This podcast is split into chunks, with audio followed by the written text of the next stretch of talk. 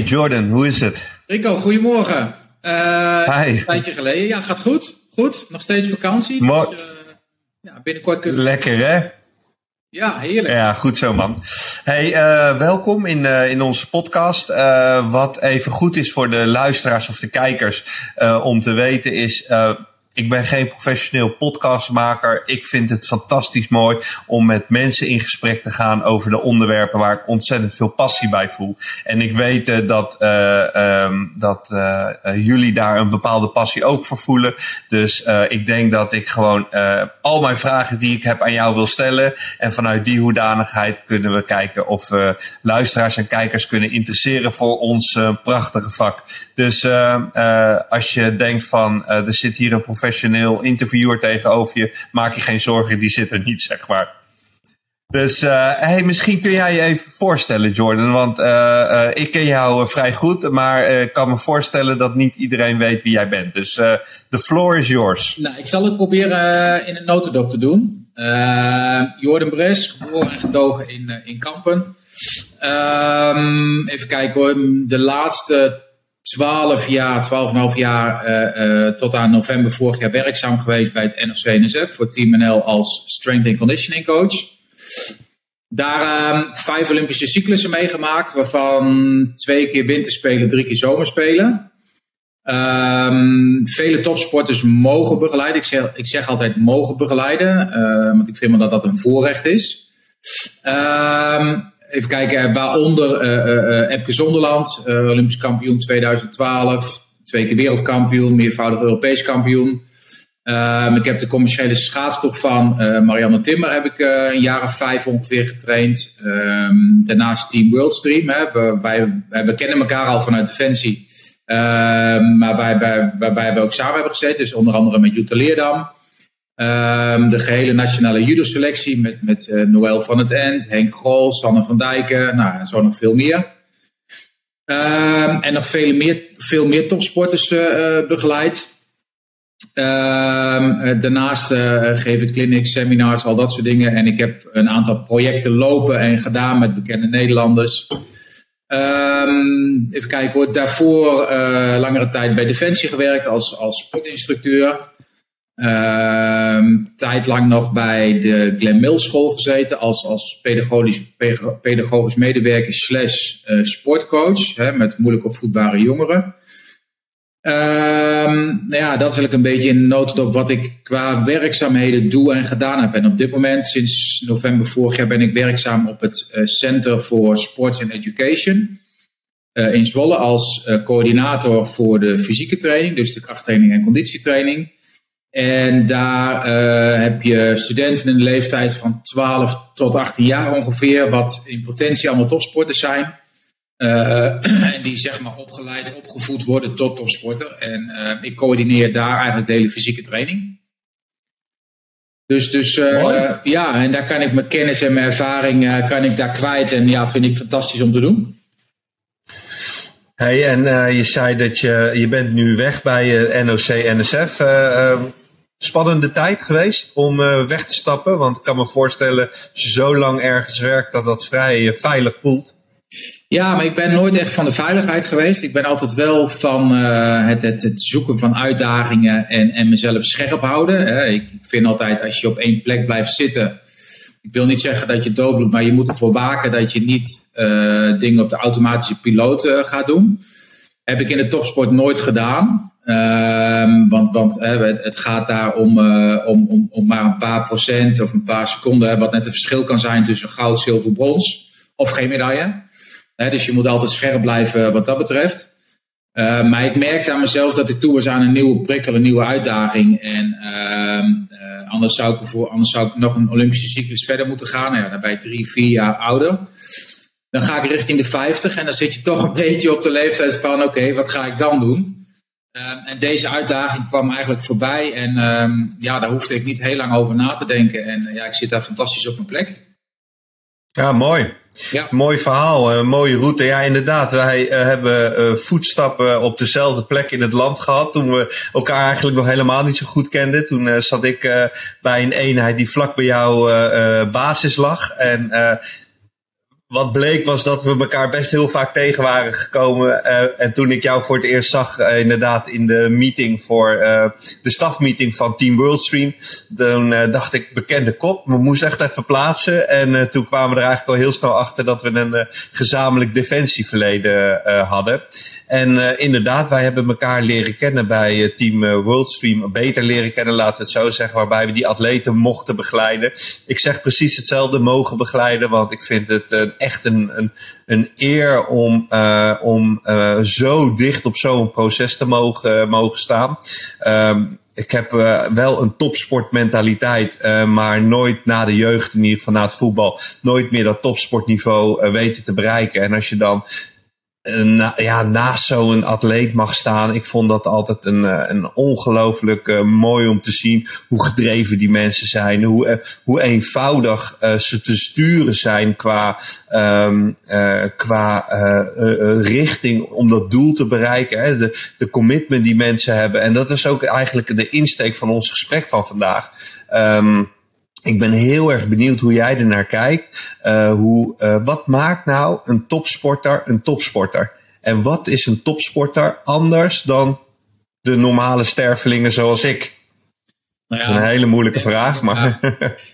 Ja, weet je, wat bij mij voorop staat bij een topsporter is, is de dedication. Hè? Uh, de de totale toewijding zeg maar, voor dat ene doel. En uh, ja, ik kan wel zeggen dat ik met, met, met ja, de elite heb gewerkt. Hè. Als je het dan hebt over echte toppers. Uh, nou ja, Jutta Leerdam kennen we natuurlijk. Die gaat alleen maar voor goud op uh, WK afspelen. in het turnen Epke gaat alleen maar voor goud op EK, WK afspelen. wel van het end judo, Henk Gol judo. nou, zo zijn er nog meer die zijn eigenlijk vier jaar lang zijn ze bezig met dat ene doel. En, uh, en dag in, dag uit. En uh, die doen er alles aan en die laten er bijna alles voor om, uh, om dat doel te bereiken. Ja, dat is fantastisch om te zien, dat is fantastisch om mee te maken. Ik moet zeggen, ik heb er zelf heel veel van geleerd ook. Um, en kijk, en het fijne is, en daarom zeg ik ook, en dat zeg jij ook, dat het een soort van voorrecht is om, om met dit soort mensen te werken, is dat um, je hebt elke dag gemotiveerde mensen voor je neus staan. Je hoeft ze niet aan te sporen, je moet ze eerder afremmen.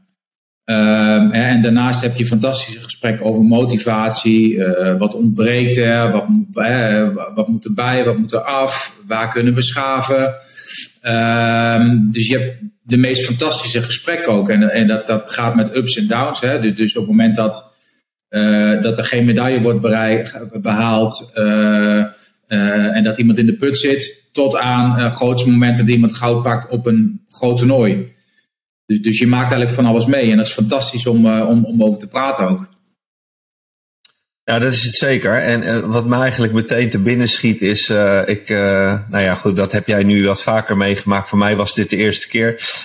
dan is die race, hè, in dit geval de race van Utah, die 1500 meter op de afgelopen spelen.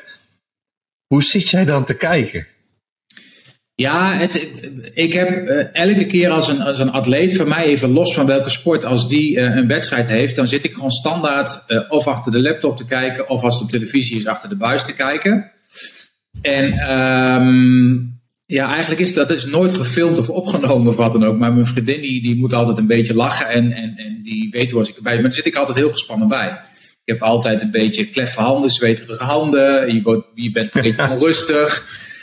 En helemaal als je het hebt over een EK, een WK of een Olympische Spelen, ja, dan, dan ben ik er wel die hele dag mee bezig. Omdat dat is je werk en, en daar ben je wel heel lang mee bezig om, uh, om te zorgen zodat, dat ze daar kunnen accelereren. En dus is dat voor mij of, of, of iemand anders uit de staf, is dat eigenlijk net zo spannend. Want daar doe je het voor. En, uh, ja. Ja, dus ja, hoe zit je er dan bij? Ja, eigenlijk zou je het een keer moeten zien, maar uh, altijd gespannen en, uh, en dat. En, uh, en als er gewonnen wordt, dan sta ik te springen. En op het moment dat er verloren wordt, ja, dan, dan zit ik ook wel in zak en als en dan baal ik ook als een stekker. Ja, ja, dat had ik precies uh, dit. Uh, nou, Utah had natuurlijk een, uiteindelijk zilver gewonnen. Hè. Dat was ook echt een mooie gesprek wat ik met haar gevoerd heb. Dat die val, of die bijna val, had echt heel anders kunnen aflopen. Ja. Um, Uh, en, uh, maar in eerste aanleg voelt het als goud verliezen. En uh, later, dat duurde dan inderdaad een, een, een, een dag zo'n beetje. En toen kwamen we er eigenlijk achter van ja, misschien is dit wel een, een gewonnen medaille in plaats van een verloren gouden.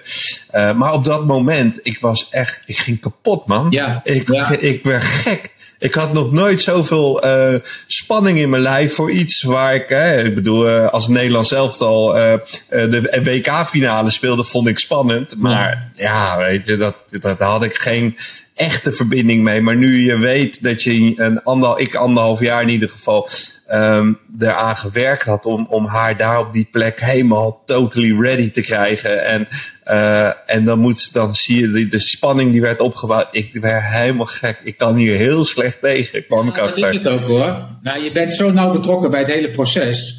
En, uh, en je bent onderdeel van. En, en, en dat, maakt het, uh, dat maakt het spannend. Dat maakt het interessant. En het is ook hetgene waar je het voor doet natuurlijk. Ja, zeker, absoluut. Ja, ik vond, het, uh, ik vond het in ieder geval een hele mooie ervaring en ik wil hem uh, nog vaker uh, meemaken. Dus vandaar ook dat we ons blijven richten op die topsport. En, en ik vind het gewoon een fantastisch, fantastisch werkveld. En wat je zegt, dat heb ik ook precies hetzelfde. de mate van toewijding van deze mensen is zo ongekend hoog dat dat soms wel eens, uh, dat ik daar wel eens moeite mee heb. Als ik dan zie dat mensen die bij ons in de praktijk komen, die willen iets heel graag. Maar die 100% toewijding is er dan niet. En dan zie je eigenlijk dat je, al zou het 97% toewijding zijn, dan is het heel moeilijk om die 3% om die erbij te krijgen. Dat kost eigenlijk de meeste energie. En, um, en dat is het verschil voor ons. Als ik dan kijk naar die topsport, daar heb ik dit gesprek vaak helemaal niet. Uh, en op het moment dat we kijken naar de praktijk, waar de gewone de, mensen die in het dagdagelijkse leven met dingen bezig zijn om te bereiken, dan zie ik daar echt een heel groot verschil in dat stukje in toewijding. Dus het is mooi dat je dat uh, noemt. Hey, ik kijk naar jouw achtergrond en ik zie een, uh, een squat rack staan en boeken. En dat vind ik een prachtige combinatie. Um, heb jij een wetenschappelijke baan of een uh, mensgerichte baan? Of is het een combinatie van? Nou, ik denk een combinatie van. Hè, want je, als, we dan, als we het hebben over topsport, uh, hè, dan ga je altijd voor het hoogst haalbare. Dus dan ben je op zoek naar zoveel mogelijk kennis. Uh, om te zorgen zeg maar, dat, dat, dat jouw programma's, hè, mijn programma's in ieder geval, dat die zo goed mogelijk uh, geschreven zijn. Dus dat is ook deels wetenschappelijk. Hè? Dus je gaat uh, onderzoeken wat, wat, nou ja, wat werkt, wat niet werkt vanuit, vanuit wetenschap. En daarnaast toch ook wel praktijkgericht, omdat ik ehm, in de praktijk toch ook wel andere dingen heb gezien, zeg maar, wat niet matcht of wat niet overeenkomt met de wetenschap. Dus het is, het is, bij mij is dat een beetje een combinatie van, van, van, van, van deze twee dingen, zeg maar, als het gaat over het schrijven van programma's, het begeleiden van, van sporters. Uh, en dan ga je ook af op een stukje ervaring. Dus, dus, uh, maar ik, ik, combineer het, ik combineer het altijd. Ja. Maar heb je dan, uh, vind dat, ik vind dat altijd raar. Weet je, dan zijn mensen jaren bezig om een studie ergens op te doen. Dan komt dat in een boek terecht of in, een, in wat dan ook. Dat lees je dan als professional, dat ga je toepassen. En dan blijkt het in de praktijk heel vaak gewoon niet te werken? Of zijn er andere factoren die veel zwaarder op die momenten meewegen, waardoor er gewoon die methodieken niet altijd overeenkomen? Ja, het is wel, grappig, dat... ja, het is wel grappig dat je dat zegt, want, want, want uh, kijk, ik ben echt een praktijkmens. En uh, als we heel zwart-wit kijken naar, naar het werk wat ik doe met topsports, krachttrainen. Je werkvloer is zeg maar het krachthonk, hè, daar waar al het ijzer ligt. Um, dan vind ik dat je als krachttrainer ook zelf um, structureel en gericht krachttraining moet doen. Je hoeft geen wereldkampioen powerlifter te zijn en je hoeft niet uh, 5% lichaamsvet te hebben en bla bla bla. Maar je moet wel voelen, aanvoelen wat die sporters aan het doen zijn. En um, wat ik regelmatig zie of gezien heb, ook bij, bij collega's van mij uh, bij het NOC-NSF, is dat die krachttrainers gewoon zelf niet trainen. En dan kun je nog zoveel wetenschap, wetenschappelijke kennis hebben, um, maar je moet het wel weten toe te passen in de praktijk. Je kunt de meest fantastische programma's schrijven uh, in Excel, papier, whatever. Dat is allemaal leuk en aardig, maar het moet wel ehm, ehm, toepasbaar zijn in de gym. En je moet wel op dat moment, hè, op het moment dat een schema dus niet helemaal gaat zoals uit de wetenschap zou moeten blijken, moet jij in kunnen grijpen en moet je dat aan kunnen voelen. En, en dat gaat gepaard met praktische kennis. En, en ik Die je zelf ondergaat. Ja, absoluut. Weet je, ik vind dat wel een hele belangrijke. Dus, dus, dus dan kom je weer uit op die combinatie van en praktijk en, en wetenschappelijk onderbouwd, theoretische kennis, weet je, al dat soort dingen. Nou, vind ik, uh, daarom denk ik ook dat wij een goede klik hebben. Hè? Uh, want wij geloven in precies hetzelfde. Wij hebben vanuit onze uh, militaire elitewereld hebben we heel veel kennis meegenomen over hoe je een, mens kan upgraden naar een, een, bepaald niveau.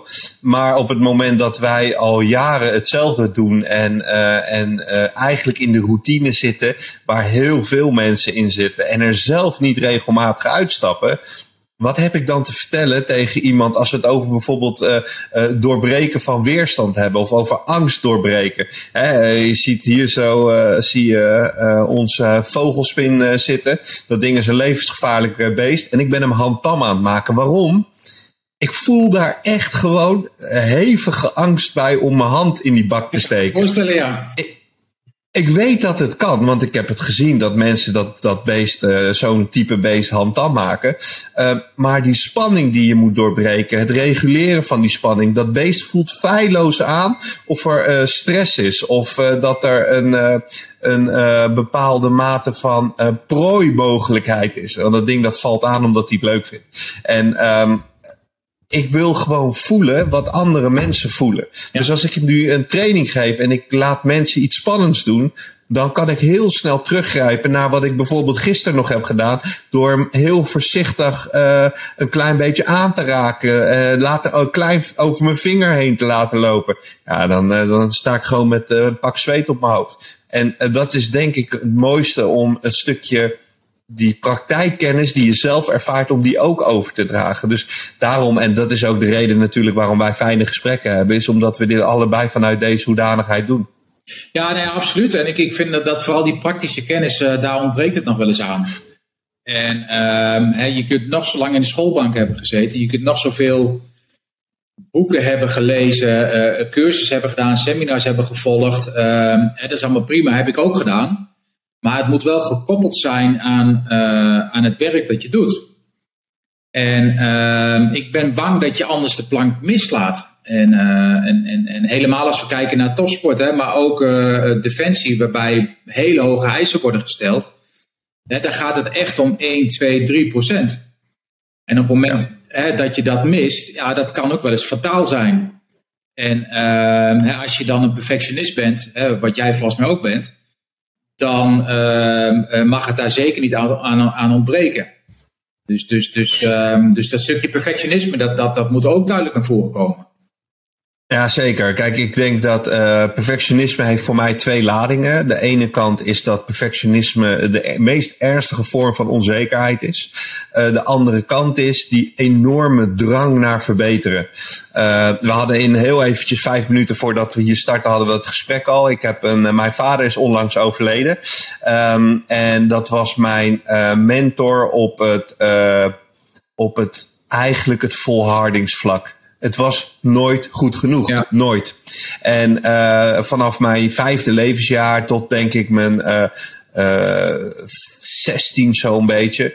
Was ik daar natuurlijk als, als, als jonge jongen, was ik daar heel vatbaar voor. En dat kon bij mij heel eenvoudig overslaan naar onzekerheid. En gelukkig heb ik het weten om te zetten naar een bepaalde vorm van prestatiedrang. Dus als ik vandaag presteer, dan kan ik heel tevreden zijn, maar ook weten, nou, het is nooit de perfecte race. En ik zag laatst een, een mooie interview van Usain Bolt na zijn wereldrecord. Dat hij eigenlijk heel kritisch was over zijn race. Hij zei, nou, ik heb echt betere races gelopen dan dit. En daar kon het beter en daar. Het kan altijd ietsjes beter. En die drang naar verbeteren, dat, dat zie ik dan als het stukje perfectionisme. Maar de onzekerheid, dat weet ik wel weer weg te werken daarin. Dus uh, uh, ik vind dat altijd een, een lastig onderwerp om uh, perfectionisme, om dat heel goed te duiden, zeg maar. Want ik weet zeker dat er mensen perfectionistisch zijn en geremd worden in hun bewegen en in hun handelen, omdat ze angst hebben om te falen. is ook een van de onderwerpen waar ik het met jou over wilde hebben. Ja, dat is wel grappig dat je dat zegt. Hè? Angst om te falen, dat is, dat is dan misschien een beetje het, negatieve aspect van perfectionisme. Uh, dat is heel herkenbaar. En uh, nou ja, waar we het over hadden, hè, vijf minuten voordat we zijn begonnen, zeg maar. Ik heb zelf ook, ik ben nu herstellende van, van nou ja, burn-out gerelateerde klachten. Ehm, en er waren meerdere uh, oorzaken, zeg maar. Maar het perfectionisme in die twaalf jaar tijd bij NOC-NSF, zeg maar, dat, dat, dat kan ook deels je kop kosten. En, uh, en daar moet je wel waakzaam voor zijn. Ehm, en daarom is het ook tweeledig. Je, je omschrijft het heel mooi. Hè, perfectionisme, uh, dat je ten alle tijde alles goed wil doen voor datgene waar je mee aan, de, aan het werk bent. Hè? En of dat dan topsporters zijn, defensie, whatever. Ehm maar ja, kijk, iedereen stoot zijn kop een keer en ik heb ook mijn kop gestoten. En je moet dus wel waakzaam zijn voor dat negatieve gedeelte van perfectionisme. En uh, want dat kan je daadwerkelijk ook op gaan breken. Dus en ik denk dat er heel veel mensen zijn die daar tegenaan gelopen zijn of die daar tegenaan lopen. Ehm, ja, het is wel iets wat je, wat, je, wat je goed in de gaten moet blijven houden. Hey, welke, uh, je, je, bent een praktijkman, dat ben ik ook. Ik heb in mijn hele leven eigenlijk best wel veel mensen verloren, maar nooit echt rouw gevoeld. Ik vond dat altijd eigenlijk heel erg raar, hè? dat ik, dat ik, dat ik niet. Hè, mijn moeder is in december overleden, iets meer dan een half jaar later nu mijn vader. En waarvan ik dacht dat bij mijn vader. het minste rouw zou zijn, omdat ik een hele complexe relatie met hem had is het eigenlijk voor het eerst in mijn leven dat ik echt die rouw nu voel. Ja. Uh, op het moment dat je, uh, dat welke lessen ik daar dan uithaal, die zijn waanzinnig mooi. Ja. en dat is dan in, in mijn geval is het, uh, en zeker bij mijn vader, is dat hij mij naar een bepaald prestatieniveau wilde drukken. En dat is hem gewoon simpelweg gelukt als ik heel eerlijk ben, alles wat ik inmiddels bereikt heb, dat heb ik bereikt doordat ik op een bepaalde manier gebakken ben. En dat is mede dankzij hem.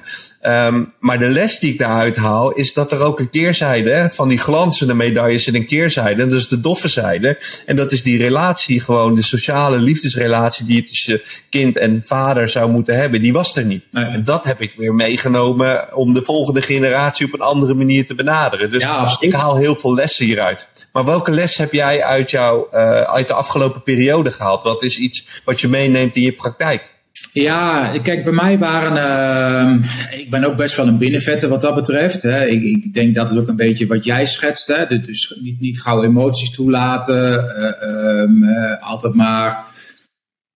Ik wil niet zeggen stoer blijven, maar laten zien hè, dat, dat je trots bent, dat je man bent en al dat soort dingen. En, en het bleek dat er dus heel veel onverwerkte emoties ook nog bij mij zaten. Veel dingen meegemaakt in het verleden.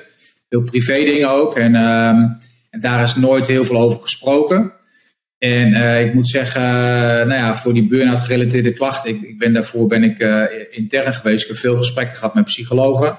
En in die vier weken tijd ben ik nog nooit zo emotioneel geweest. Ik, ik heb volgens mij, zoveel in mijn leven heb ik nog nooit zitten huilen. En ehm, het is ook voor het eerst dat ik het nu vertel hoor. Voor de rest weinig mensen die het weten. En ik, ik, ik ben er ook gewoon eerlijk en open over. maar ik heb zitten, zitten janken als een klein kind. En ehm, het kwam allemaal los, die, die, die, die, niet verwerkte emoties, zeg maar. En, uh, en dat vond ik heel fijn. Dat heeft me ook heel veel energie gegeven. Hè? Want uiteindelijk is het toch ook wel fijn om, uh, om je emotie te kunnen tonen. Uh, anderzijds ga je dan wel, uh, als je dat een plaatsje kunt geven, ga je nadenken over het leven. En dan ga je wel kijken, wat is nu echt belangrijk? En dan ga je dus ook meer, tenminste dat ben ik gaan doen, meer gaan genieten van, van kleine dingen. Um, als het mooi weer is, vandaag geniet je van het mooie weer. En laten we eerlijk wezen, heel veel mensen die vergeten gewoon de kleine dingen waar het om gaat. Dus, dus ik ben veel meer gaan kijken naar, naar de kleine dingen in het leven, omdat je daar ook heel veel energie uit haalt. Um, en, en, dat neem je mee uh, voor nu. Um, wat ik verder meeneem is dat, dat perfectionisme is echt wel een goed iets. En ik vind ook dat dat uh, zeker moet blijven. Maar dat je ook waakzaam moet zijn voor uh, de keerzijde van, van perfectionisme. En ik denk dat uh, hè, wat je vaak ziet in de top is dat mensen streven altijd maar naar meer, meer, meer of beter, beter, beter. Uh, hè, wat ik zeg, dat kan ook een keerzijde hebben. dat zien we natuurlijk ook bij, bij, bij, bij topsporters, hebben we dat vaak gezien. sporters die overtraind raken, allerlei andere oorzaken. Ehm, in, in, het, in het bedrijfsleven zien we het regelmatig. Nou, in de defensietop heb jij het denk ik ook wel meegemaakt. Ehm, je moet af en toe wel geconfronteerd worden met ehm, dat, dat je eigenlijk even normaal moet doen. Dat je even pas op de plaats moet nemen, even rust moet pakken en even moet afzonderen van datgene waar je altijd maar in zit, waar je mee bezig bent. Ja, en soms dan moet je op een hele simpele manier moet je gewoon geconfronteerd worden. En dat is ook bij mij gebeurd. En uh, bij mij brak er iets en, en, en alles kwam eruit. En, uh, ja, en dan ben je even een klein kind.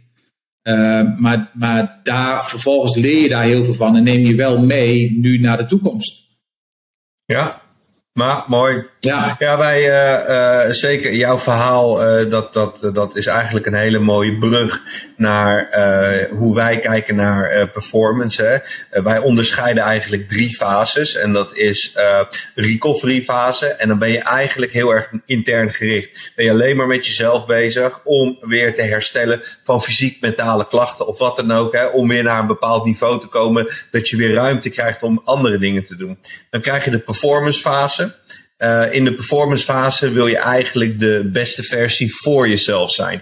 Um, waarbij je dus uh, dingen doet die bijdragen aan uiteindelijk de high performance fase, waarbij je de beste versie van jezelf gaat zijn. En dan ga je inderdaad naar die laatste paar procent, waarbij je ik persoonlijk vind dat dat niet altijd het meest gezonde leefstijl is, zeg maar. Want je gaat echt het maximale van je lijf en van je geest vragen. En als je die drie lagen boven elkaar zet, wat wij eigenlijk uh, gedaan hebben, is de periodisering die jullie weer in de topsport gebruiken. Recovery, performance, high performance. Terug naar recovery. En dat je eigenlijk een soort van uh, flow creëert die vol te houden is. Want wat wij heel erg merken is dat er uh, echt. Nou, alle performance coaches zijn op dit moment bezig om de beste versie van jezelf te laten worden. Maar sommige mensen zijn daar nog helemaal niet klaar voor. Sommige mensen moeten juist weten aan welke knoppen kan ik draaien. Niet hoe kan ik hem maximaal open draaien, maar hoe kan ik eraan draaien dat ik de kwaliteit van het leven kan verbeteren. En dan zitten ze in de performance fase en met mensen bezig gaan die uh, uh, in de recovery fase zitten met high performance methodieken. En dan sla je de plank volledig mis. En daar zie je dat er ook heel veel uh, misgaat, zeg maar. En de high performance fase, dat vraagt echt wel iets van je. En ik vind dat persoonlijk niet altijd uh, gezond. En dat vraagt om hele strikte leefstijl. En dan zit je misschien maar op een schermtijd van uh, 15 minuten op een dag. En dan kijk je s'avonds helemaal geen televisie meer. En dan zit je in je cocon en dan ben je alleen maar bezig met dat resultaat. Supermooi als je daar een periode mag zitten om dat te ervaren. Maar je moet er ook weer uit. Ja. Um, en ik zag bij de topsporters dat ze heel veel moeite hebben om daartussen te shiften.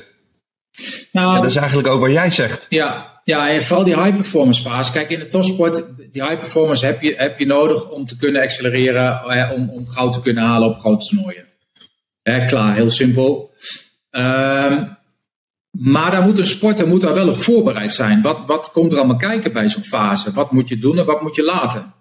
Um, en, ik denk juist dat daarom die recovery fase, hè, zoals jij het noemt, dat dat heel belangrijk is. Dat dat eigenlijk je fundament is, je basis is.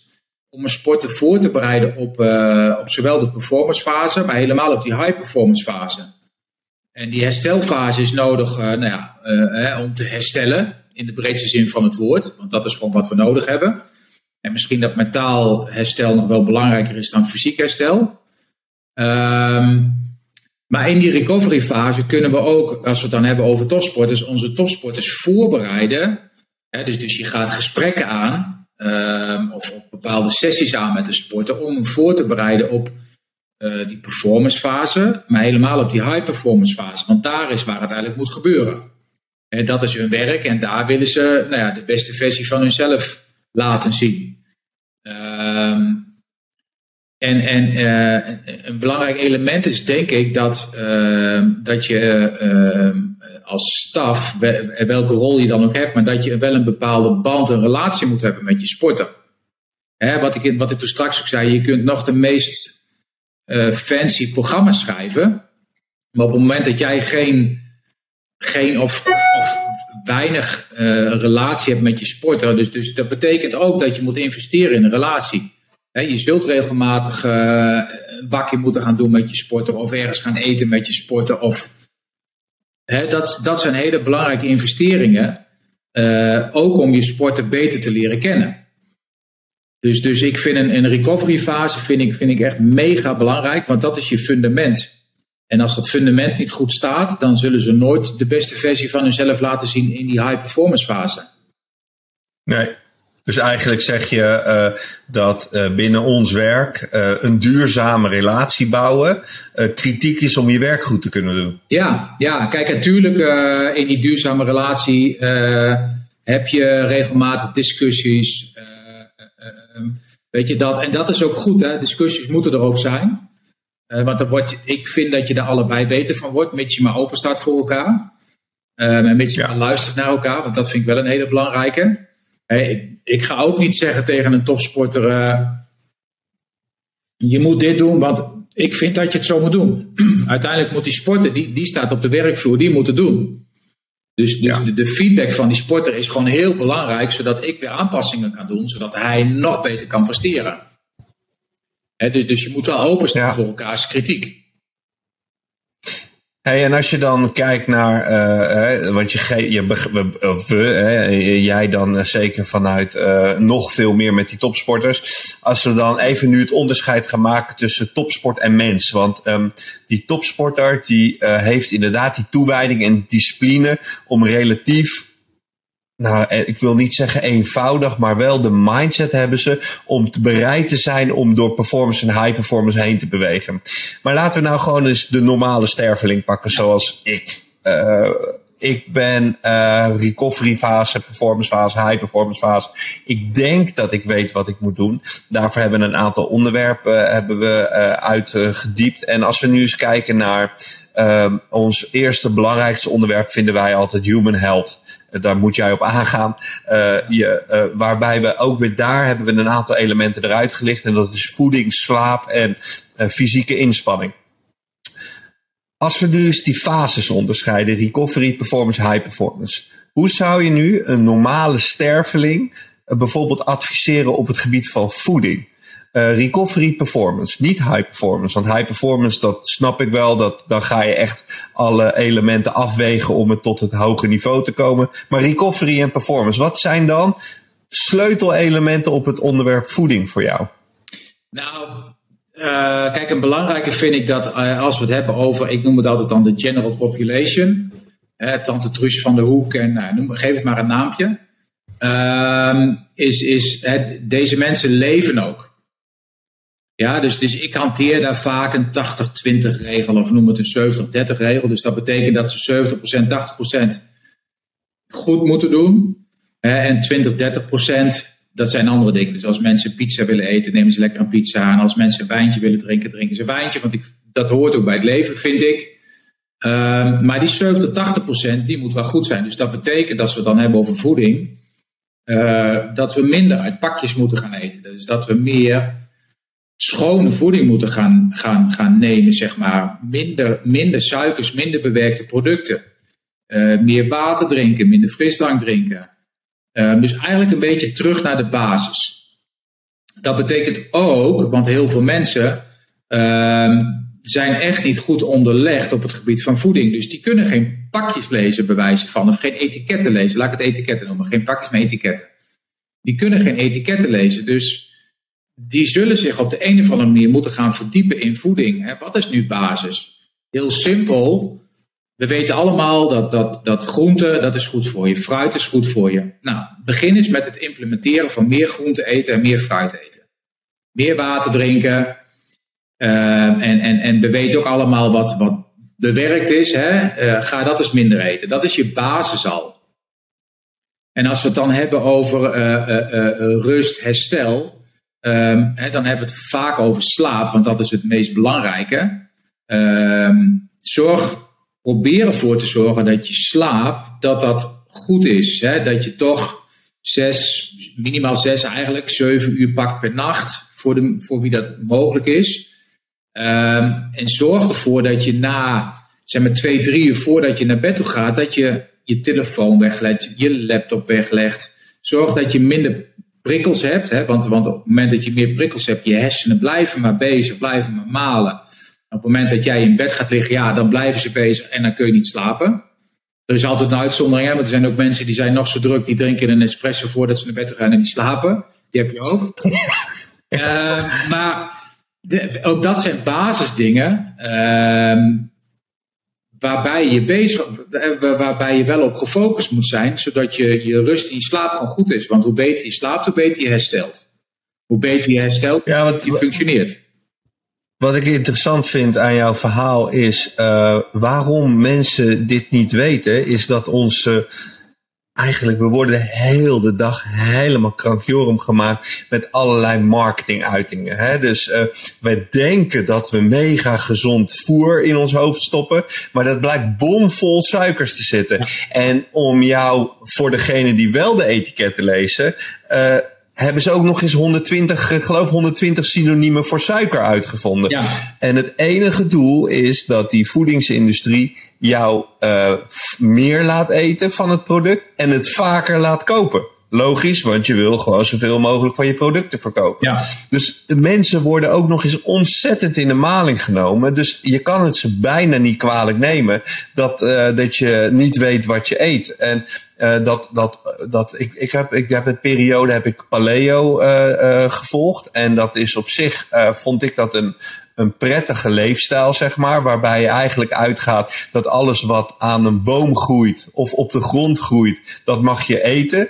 Um, alles wat ogen heeft gehad, mag je ook eten. Ja, ja, ja, nou, dat is eigenlijk echt de, de, de basis dan. Nu kun je een discussie gaan, gaan voeren over rood vlees. En dat, zo diep wil ik er nu niet op ingaan. Omdat ik vind, dan ga je richting die laatste procenten, zeg maar, om echt af te stellen.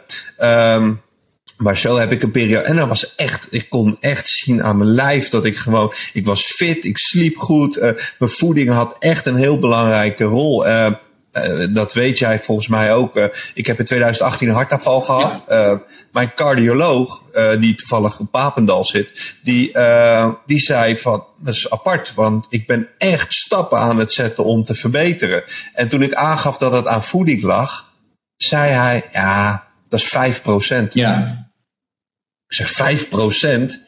Ik denk dat het 90 procent is. Ja. Nee, hij zegt die is 5 procent. En toen hebben we een heel open gesprek gevoerd uh, met elkaar. En toen zei hij ja, aan de andere kant, in mijn hele periode dat ik gevormd ben als arts, hebben ze zes uur het onderwerp voeding gehad. Ja. ja, toen dacht ik, ja, maar dit is het probleem.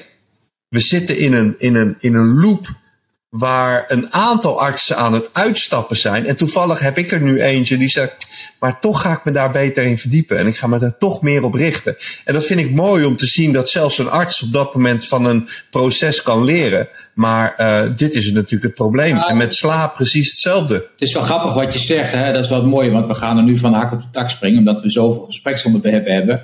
Maar als we het over voeding hebben, uh, hè, we zien natuurlijk heel veel artsen, huisartsen die uh, die een opleiding hebben gedaan. En die alleen maar refereren aan de hand van die opleiding. Dus op het moment dat jij bij een huisarts komt en ik noem maar wat, iemand heeft diabetes, dan wordt er gezegd: oké, je krijgt deze medicatie, succes ermee. Eigenlijk wordt het zo gezegd, hè? Diabetes als voorbeeld nemende, hè, mijn vriendin die heeft een praktijk, een voedingspraktijk en een leefstijlpraktijk. Die krijgt best wel regelmatig klanten die diabetes hebben. Dat is binnen vier tot zes weken, als je de voeding aanpast, is dat uh, omkeerbaar. En dat is helemaal niet moeilijk. Je gaat eigenlijk een beetje terug naar het, het de paleo-gedachte. Je gaat je koolhydraten schrappen, je, schrappen, je gaat schoon eten. Uh, geen bewerkte producten meer. En dan zie je op een gegeven moment dat, uh, uh, dat diabetes omkeerbaar is. Dat is helemaal niet zo heel moeilijk. Ja. Dat is ook geen rocket science. Maar heel veel huisartsen weten dat niet. Aan de andere kant, we zijn net terug van vakantie op de camping bij ons stonden een aantal mensen, waren even mee in gesprek. Die kinderen, jonge kinderen nog, ik denk 12 tot 14 jaar, hadden, alle drie de kinderen hadden, waren diabetes. Um, maar je ziet ze wel rondlopen met zakjes Haribo en weet ik veel wat allemaal. En niet één keer, regelmatig. Dan denk ik van ja, weet je, dat zijn dingen. Eh, dan kunnen we zeggen, ja, we hebben geen kennis. Maar je weet wel dat daar gewoon dat het bomvol zit met suiker. En dat het gewoon niet goed is, helemaal niet als je diabetes bent. Ja. Je dus, dus ja. Dat zijn dan weer van die voorbeelden. Ja, maar ga eens nadenken wat wij doen. Hè? Op het moment dat wij uh, uh, van kleine kinderen, kleine kinderen vallen. En dan krijgen ze een aai over een bol. En wat doen we dan? Dan zeggen ze, ah, hier heb je een snoepje. Ja. Dat, bedoel, dat, ik, laat, ik, ik ben niet beter dan anderen. Ik heb dit ook gedaan. Ja. Van, ah, hè, de pijn, jongen. Nou, hier zo, uh, snoepie. En, en, nou, up, en blij en lachen. Dus in ons brein programmeren we eigenlijk onze kinderen dat suiker heel goed is. Ja. En, en daarmee verpesten we heel langzaam met z'n allen de populatie Ja. van de wereld. Nee, ja, 100% mee eens. En, ehm, en daarom is die, die, die, die opleiding op het gebied van voeding, laten we het dan zo noemen, hè, dat je wel een bepaalde basiskennis hebt, is gewoon belangrijk. Eigenlijk zouden er gewoon veel meer boodschappencoaches moeten zijn of zo, zoiets. Ja. Die mensen etiket. Ja, die, eh, ik, ik, ik ken iemand die doet, een, eh, die doet zo'n eh, eh, supermarkt safari. Ja. En eh, super interessant. Eh, Ralf Moorman heet eh, Het is Ralf. Ralf Moorman. Ja, dat is echt briljant. Maar eh, eh, ga nou gewoon eens kijken, wat eet je? Maar ik moet ook eerlijk zeggen dat toen ik begon met paleo, eh, ik, ben, ik ben niet een, een keukenprins, dus eh, mijn vrouw is degene die eh, veel voor ons voeding regelt. Die zei, oké, paleo is goed. Dus nou, die ging even boodschappen doen. En na twee uur denk ik, waar is het nou? Dus ik begin te bellen van, joh, wat is er aan de hand? Ja, Ze zegt, heb jij enig idee hoe moeilijk het is om producten te vinden die hier binnen dat schone voedsel vallen? nou ja, zeker. Maar dat, Het is echt, echt heel erg. En dat is ook een beetje, mensen gaan daarbij mee. Ik noem het ook een beetje een trend, hè? Paleo, keto, nou, ze zijn er veel meer low carb. Ehm, de, kijk, het enige nadeel is van dit soort dingen is dat het op langere termijn gewoon moeilijk vol te houden is. Hè, want over Ja. het algemeen, je eet toch vaak hetzelfde. Ehm, je eet Ja. vaak producten wat niet altijd even lekker is. Want soms willen we ook gewoon dingen hebben wat lekker is. Ja. Ehm, en daarom hanteer ik vaak dan die 80-20 regel of 70-30. Ehm, en, en vooral bij paleo en bij keto is... eh, Kijk, mensen hebben ook koolhydraten nodig. Hormonaal gezien. Hè, want je ziet toch vaak... Ik, ik regelmatig mensen gezien die schildklierproblemen hebben... eh, doordat ze veel te lang low carb hebben gegeten. Paleo hebben gegeten, Ja. keto hebben gedaan. Meerdere fysieke problemen. Dus je hebt je... En helemaal als je, als je, als je regelmatig sport, zeg maar... dan heb je toch eh, koolhydraten nodig.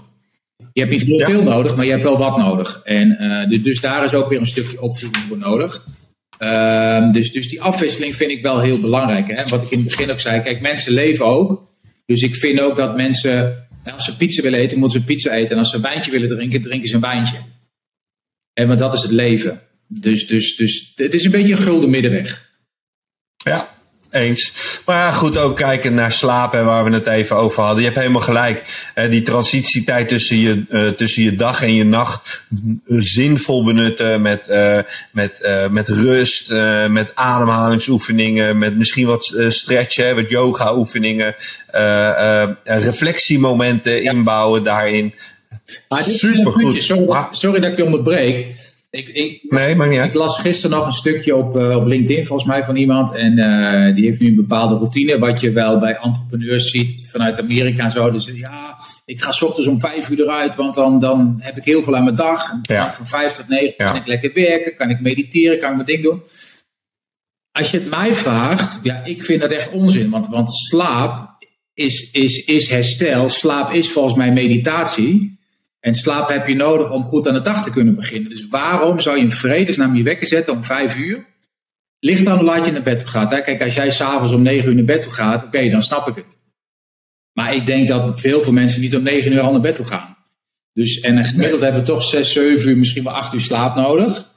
Dus, dus zet dan je wekker een uur of anderhalf uur verder. Dan heb je je meditatie heb je gehad. En, en plan dan door de dag heen je andere momenten eh, om te kunnen werken. Maar dat heeft te maken met structuur aanbrengen. En afspraken. Nou, maar zeker die, zeker die entrepreneurs. Ja, die hebben, eh, ik kan mijn eigen tijden bepalen. Eh, ik kan zelf zeggen of ik om 11 uur op kantoor verschijn of om 10 uur. Ja. Dus je hebt heel veel grip over die 24 uur, want jij bepaalt alles. precies. Ehm, en als je dan, ik geloof hier namelijk ook niet helemaal in. Ik, ik geloof niet in die early mornings van Nee. vier uur opstaan, vijf uur opstaan. Daar geloof ik ook niet Nee. in. Ik geloof dat, eh, ik vind het acceptabel worden maar dit is heel persoonlijk, vanaf zes uur. Maar dat betekent ook dat ik om tien uur in bed lig. Ja. Als ik bijvoorbeeld een keer een dag heb dat ik om 11 uur in bed lig, is het niet erg om de volgende dag ietsjes vroeger op te staan. Maar als je dat structureel doet, dan als ik structureel te weinig slaap heb, ga ik op een gegeven moment aan het einde van mijn dag steeds eerder naar bed willen. Ja. En, uh, of je gaat heel je, je, uh, je ritme opfokken. En daar zie je ook gewoon een, uh, een probleem ontstaan. Inderdaad, daar heb je mee te maken. Je gaat je ritme ga je aanpassen. Kijk, of hè, wat je zegt, of je, je moet dagelijks gewoon je eigen tijd in kunnen, vullen, in kunnen vullen, dan is het een ander verhaal. Ik heb ook regelmatig uh, uh, uh, heel lange tijd gehad dat ik s ochtends om half zes eruit moest. In verband met ik moest op tijd op mijn werk zijn. Ja, dan ga ik toch niet om vier uur de wekker zetten om nog even te kunnen mediteren of een boekje te lezen of wat dan ook. Nee, ik moet op tijd op mijn werk zijn. En dan zorg ik dat ik ergens op de dag daar een momentje voor mezelf pak. Dat ik daar een kwartier ga mediteren of een, een yoga oefening ga doen of lezen of whatever. Omdat je rust, je slaap gewoon heel belangrijk is. Ik, ik, ik ben het 100% met je eens. Ik adviseer precies hetzelfde. Ja. Maar ik krijg ook best wel vaak terug, uh, Mariko, uh, je hebt zo'n eliteopleiding gedaan bij Defensie. Zeg ik ja. Dan zeggen ze, hoe lang duurde dat? Ja, 300 dagen. Ja. Hoeveel sliep je per week? Ja, ja, dat is ook wel weer waar. Dan denk ik van ja, dan sliepen wij soms weken van in een week, dus dat betekent gemiddeld vijf tot zes dagen, sliepen we, zeg eventjes, uh, vier tot acht uur per week. Ja. Niet per nacht, maar per week. Ja. En dat hou je heel lang vol. En je weet ook nog eens het allerhoogste prestatieniveau te bereiken. Absoluut.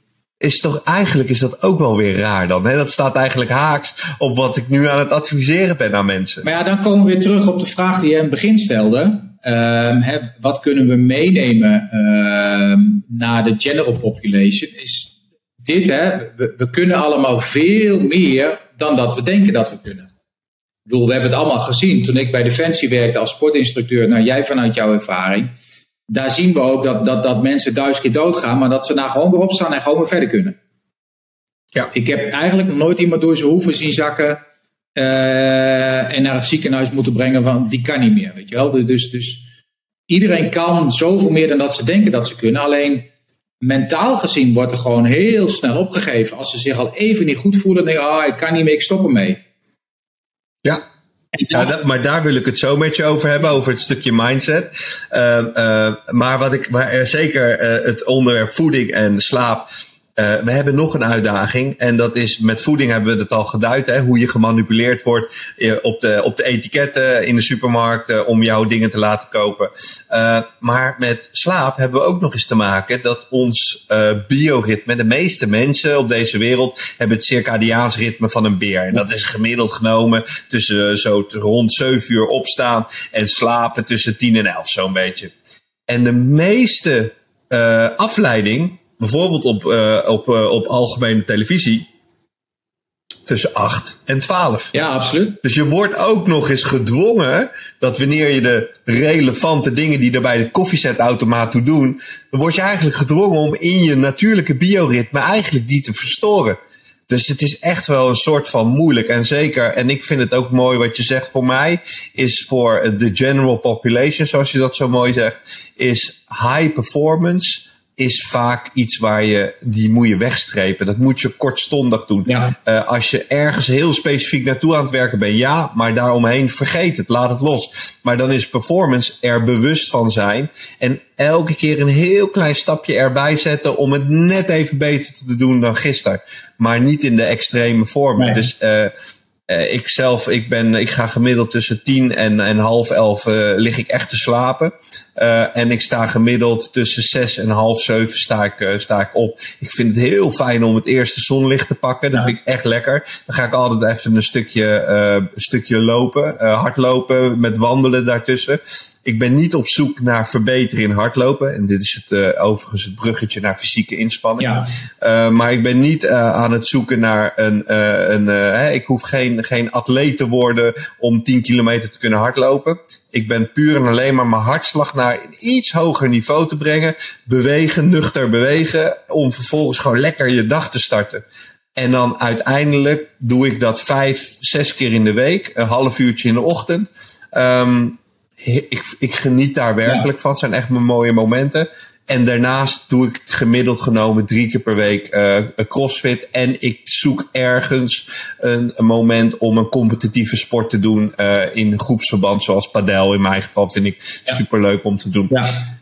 Als jij dit nou uh, hoort, um, wat vind jij daarvan als strength and conditioning coach? Op het gebied van, van slaap en rust bedoel je? Nou, meer wat ik nu doe aan, aan, aan sport. Is het te nou, veel? Is het te weinig? Uh... Ja, de vraag is een beetje van wat is te veel? Hè? Dat is altijd een beetje een lastige. Ik denk dat je, uh, naarmate je wat ouder wordt, zeg maar, dat je uh, ook wat meer gaat luisteren naar je lichaam. Hè, dus dat vind ik al een hele belangrijke. Maar ehm, kijk, als jij elke ochtend, als je daar goed bij voelt bij het stukje cardio. Ik vind sowieso dat, dat meer mensen meer cardio moeten doen. En dan heb ik het echt over aerobe activiteiten. Dus niet high intensity, weet je, al dat soort dingen, dat niet. Maar aerobe, omdat het ten eerste zorgt ervoor dat als je aerobe basis, als dat beter wordt, dat je ook beter herstelt van bepaalde dingen. Ten tweede, je slaap wordt gewoon een stuk beter. Nou, we weten allemaal, slaap, daar hebben we het net over gehad, slaap beter, je functioneert gewoon beter overdag. Uh, en ten derde, het geeft je gewoon een stukje van voldoening op de een of andere manier. Dus als jij dat, jij doet dat dagelijks, als je je daar goed bij voelt, moet je dat zeker doen, want ook daar herstel je gewoon goed van. Um, dan, dan jouw CrossFit trainingen, ook dat weer, dat is vaak high intensity. Maar die sessies kunnen soms ook wel kort zijn. Volgens mij heb je ook wel ja. WOTS workouts van een kwartiertje. En, en soms heb je... Ja, 20 minuten. Whatever. Um, meer, meer een deel bij ons in de box zit denk ik gemiddeld genomen geprogrammeerd tussen 25, 35 minuten. Ja, nou, met een uh, stukje warming-up vooraf voor high intensity is dat helemaal prima. Dat is perfect en perfect om te doen. Ten eerste, het is, het is afleiding voor jezelf. Je vindt het leuk om te doen. Het is een bepaalde uitdaging. Dus zeker blijven doen. En, en wat ik zeg, ja, je moet een beetje luisteren naar je lichaam. Hè. Qua herstel uh, is het verstandig om drie dagen achter elkaar dit soort workouts te doen? Of kun je beter een, een dag rust tussendoor pakken? Hè, dat je zegt, ik doe dit op maandag, woensdag, vrijdag. Hè, dat je iets beter kan herstellen. Maar dan heb je te maken met de getraindheid van een persoon. Dan heb je te maken met de leeftijd van een persoon. Dan ga je kijken naar meerdere factoren. Maar ik denk dat drie keer zeker niet te weinig is. En daarnaast nog een keer een competitief iets doen, vind ik ook heel goed. Want daar vind je een bepaalde uitdaging in. dat is voor je mindset is dat heel goed. Want je kijkt er naar uit om dat te doen. Je vindt het leuk en je wil graag winnen. Dus het geeft je ook nog eens een keer. Het maakt een stofje aan, dopamine. Op het moment dat jij wint, dan denk je, ja, fuck, ik heb gewonnen. Dus je gaat, ja. vrolijk ga je weg. Dus dat doet ook nog. Ja, cadeautjes geven we niet met padel. Nee, dat, bedoel ik. Dus, dus, dat zijn ook hele belangrijke factoren. Ja. Dus, dus de dopamine ja, aanmaak van wat het allemaal met je doet. dus het positieve zeg maar, ja, dat is heel belangrijk. Hoe, beter, hoe positiever we zijn, hoe beter we weer functioneren. Dus, dus... Hey, en nu komt er een uh, volkomen uh, normale sterveling bij jou uh, aan en die zegt: luister, mijn doel is om een gezond en fit, fitte opa of oma te worden. Ja. Dus echt wel een lange termijn doel. maar ik sport op dit moment nul. Ja. Wat is jouw advies? Hoe ga je met zo iemand aan de slag? Ja, dan, dan ga ik eerst kijken van oké, hoe, is, hoe is jouw daginvulling? Hè? Wat doe je overdag? Dus je gaat eigenlijk gewoon een soort van, van intake ga je doen met die persoon. heb, heb je stress? Zo ja, welke stress? Uh, hoe is je slaap? Hoe is je voeding? Dat zijn een beetje de basisdingen waar je naar gaat kijken. En dan ga ik zeggen, oké, even afhankelijk van het doel. Maar laten we eens beginnen met, uh, we gaan elke dag gaan wandelen. Ik schrijf een x aantal stappen voor. Ik noem maar wat. We beginnen de eerste week met 6000 stappen per dag. Als voorbeeld. Hè. Dat kunnen er ook 8000 zijn. Ja, ja, ja. En zo gaan we het opbouwen. En, en, en die stappen is niet alleen bedoeld voor uh, het, het verbranden van calorieën, maar is ook voor je mindset. Je bent buiten en nu is het dan mooi weer. Je hebt frisse lucht, je kunt genieten van, van je omgeving, genieten van de geluiden, al dat soort dingen. Dus het doet wat met je. Dus ik zou daar al, al mee gaan beginnen. Um, in mijn optiek, ik ben een, een, fan van krachttraining, dus ik zou eigenlijk iedereen zou ik uh, zeggen, oké, we gaan naar de sportschool en we gaan beginnen met twee keer de week krachttraining. en, dat, en, en de inhoud daarvan, dat is even puur afhankelijk van de persoon. Maar ik zou beginnen met twee keer de week krachttraining. En als het oudere mensen zouden zijn, dan zou ik zeggen, nou, we gaan het wat meer functioneel maken. Zodat jullie nog gewoon fatsoenlijk een trap op kunnen lopen. Dat je je boodschappen kan tillen, dat je je kleinkind kan optillen, bij wijze van. Dus dat is afgestemd op de persoon. Ehm, fietsen, weet je, oudere mensen die, die, die nog wel op een elektrische fiets kunnen bewegen. Nou, pak die elektrische fiets en ga routes voor jezelf uitstippelen. je, hebt, je hebt tegenwoordig zoveel routes die je kan uitstippelen via Strava, whatever. Ga elke dag uh, ga anderhalf uur op de fiets zitten.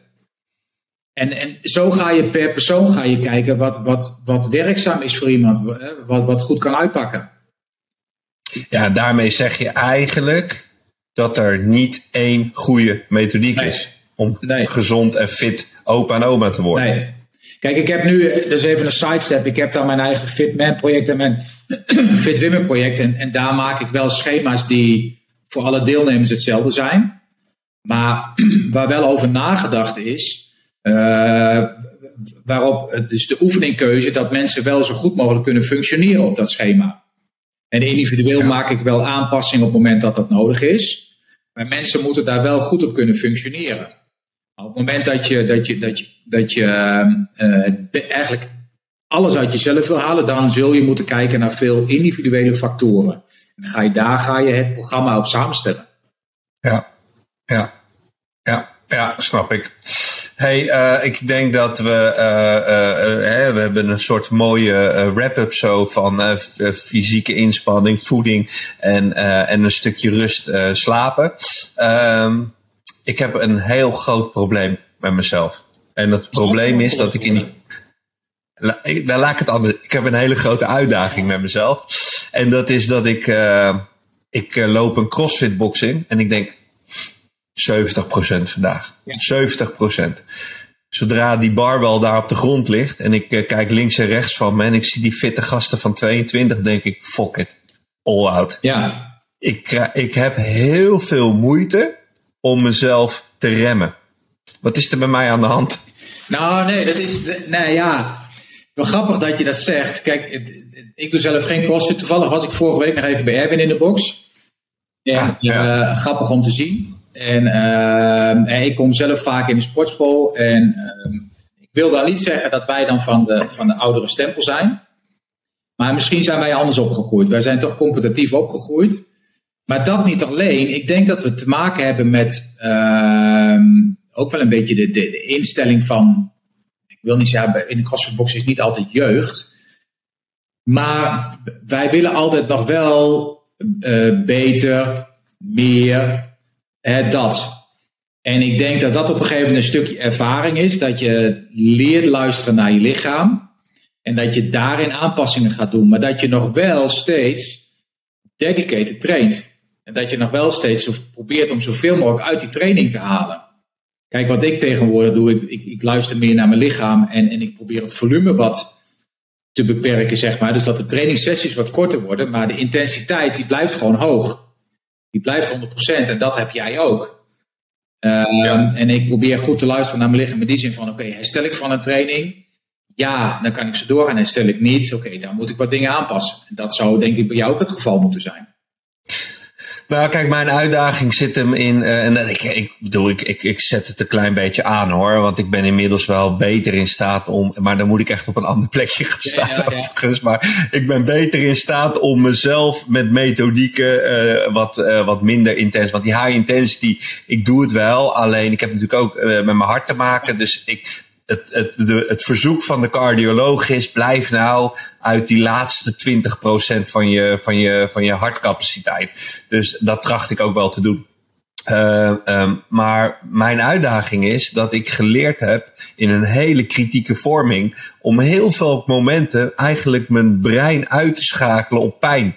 Want ik heb uh, tientallen kilometers met bepakking moeten lopen. En dan dat het bloed over je schouders heen zat van de streamen van de, van de rugtas. Of van de spullen die in je hand, dat je helemaal verkrampt rondliep. En het enige wat je moest doen was doorlopen. Dus ik heb heel vaak mijn signalen genegeerd.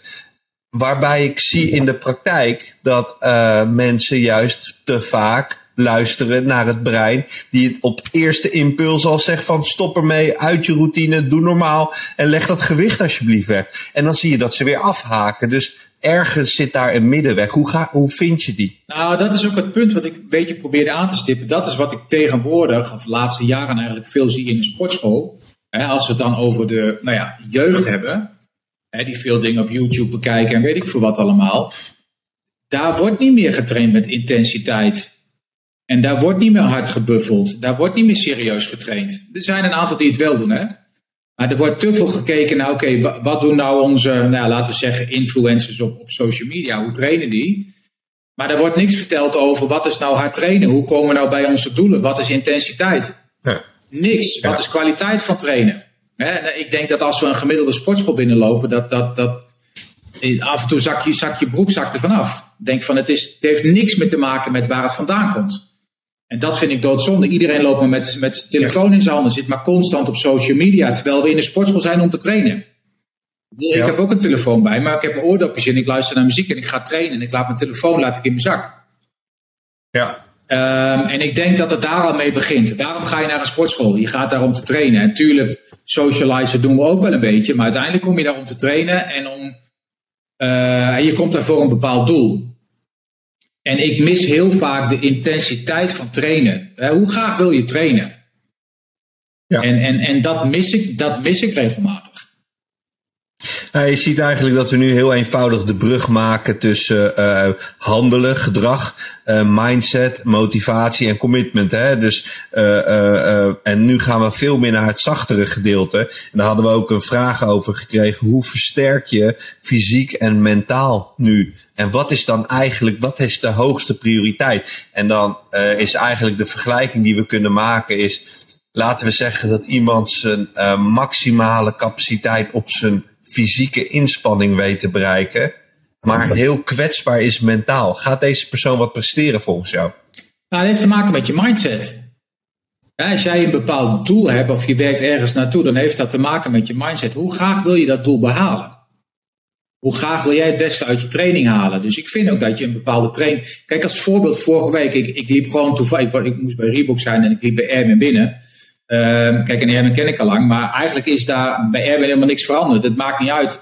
Hè, er was daar een groep volgens mij van twaalf uh, mensen die een workout gingen doen.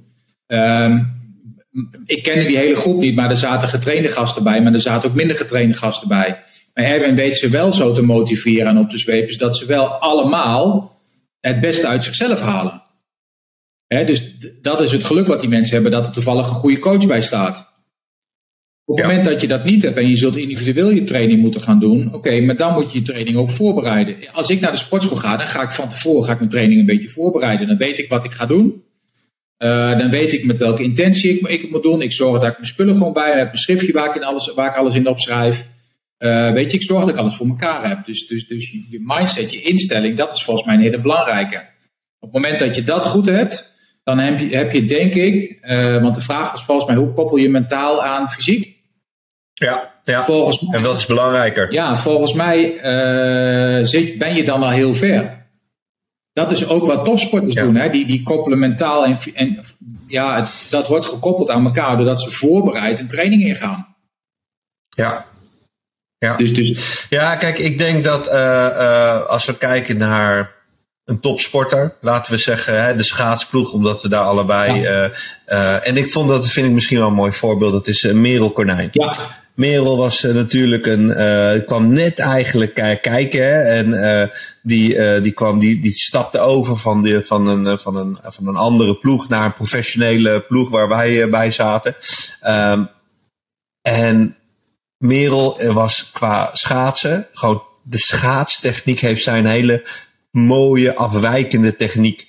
Um, de schaatscoaches zeiden, nou, dit zou wel eens in de toekomst iemand kunnen worden die echt hele hoge ogen gaat gooien. Ja. En toen hebben we haar op een bepaalde manier mentaal geprept.